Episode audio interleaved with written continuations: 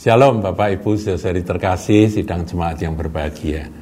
Saudaraku, hari ini kita akan belajar sejarah.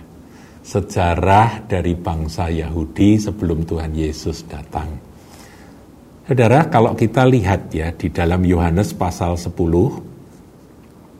ayat 22 dan 23 di situ ada tertulis tidak lama kemudian tibalah hari raya pentahbisan bait Allah. Hari raya pentahbisan bait Allah di Yerusalem. Jadi itu sebuah hari raya besar. Dalam bahasa Ibrani disebut Hanukah, saudara ya. Jadi Tuhan Yesus, pada zaman Tuhan Yesus hari raya itu di, dirayakan karena itu merupakan sesuatu peristiwa yang besar yang harus dirayakan. Ketika itu musim dingin, karena memang Hari Raya Hanukkah atau pentahbisan Bait Suci itu jatuhnya bulan Desember, jadi musim dingin.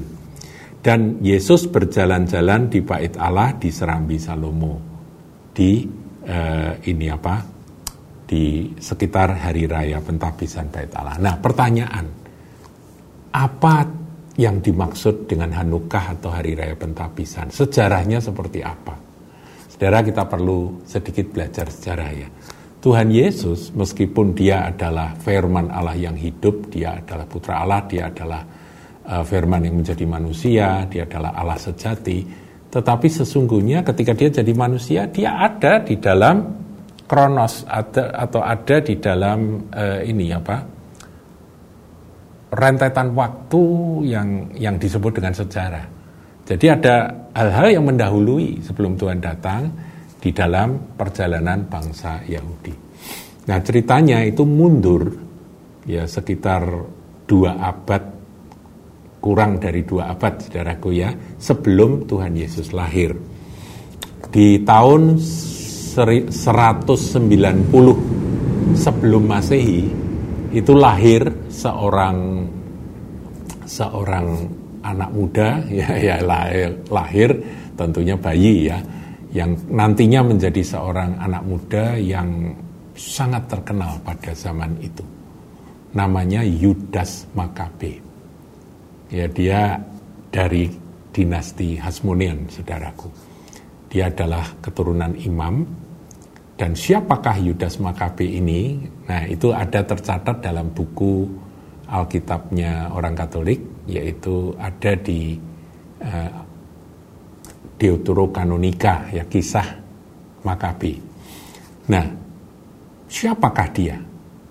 Makabe atau Yudas Makabe adalah seorang pahlawan Yahudi pada waktu itu yang disejajarkan. Ada juga yang menyejajarkan dia dengan Yosua ya dengan Yosua perjanjian lama dan sebagainya. Dia orang hebat lah. Karena apa? Dia berjasa, saudaraku. Berjasa menguduskan kembali akan bait Allah yang pada waktu itu, jadi tiga tahun sebelum uh, Hanukah itu, pengudusan itu, raja yang berkuasa, penjajah yang berkuasa pada waktu itu, yaitu Antiochus IV Epiphanes, wah itu ganas banget saudaraku ya, dia sangat benci dengan ritual-ritual Yahudi dan dia memasuki akan bait Allah yang menjadi pusat sesembahan rumah Allah bagi umat Tuhan pada waktu itu itu dimasuki dan dinajiskan. Ya dia me, apa itu menyiram dengan darah babi saudaraku yang najis itu. Sehingga sejak saat itu bait Allah jadi najis umat Tuhan tidak bisa berdoa. Dan itu menyedihkan, mendukakan. Nah, kemudian timbullah pemberontakan yang dipimpin oleh Yudas Makabe ini. Dan pada puncaknya, Yudas Makabe berhasil kembali menguasai Yerusalem dan bait Allah dikuduskan atau ditahbiskan. Dan hari itu disebut Hari Raya Hanukkah. Ngerti ya saudaraku? Disambut dengan sangat riang gembira oleh orang-orang Yahudi, saudara. Ya karena ini sebuah peristiwa besar di mana rumah Tuhan yang sudah dinajiskan oleh uh, raja penjajah Antiochus Epiphanes, Antiochus IV Epiphanes itu akhirnya kembali disucikan. Nah, pentabisan bait Allah atau Hanukah di Yerusalem itu sejak saat itu tiap tahun dirayakan, saudaraku. Sampai zaman Tuhan Yesus, saudara. Jadi kalau kita menemukan ayat tadi yang saya bacakan, ya di Yohanes 10 ayat 22, tidak lama kemudian tibalah hari raya pentahbisan bait Allah. Hari raya pentahbisan bait Allah, apa itu? Nah, itu tuh sebetulnya sebuah peristiwa. Nah, pertanyaan kitab Makabe itu kenapa kok tidak masuk dalam kitab suci orang Yahudi? Nah, ini di sini kita harus tahu saudaraku. Makanya kita gereja-gereja Injili tidak menerima akan kitab Makabe dan Deuterokanonika yang lain itu sebagai kitab suci. Kita anggap itu sebagai bacaan saja sebagai literatur bacaan, tapi tidak punya nilai rohani, tidak punya nilai sebagai uh, kitab suci. Kenapa? Karena orang Yahudi juga tidak memasukkannya sebagai bagian dari tanah Taurat, Nevim dan Ketubim. Tidak. Tidak tidak dimasukkan.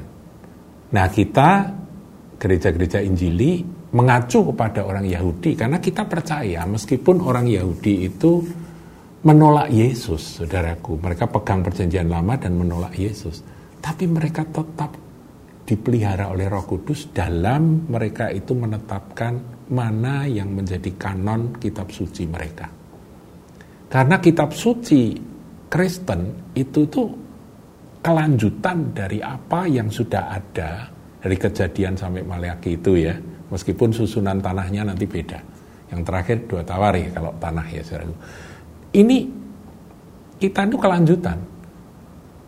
Nah, kalau mereka saja tidak memasukkan akan kitab Makabe sebagai bagian dari kitab suci yang berotoritas sebagai sebagai holy book, kita pun juga tidak, saudaraku.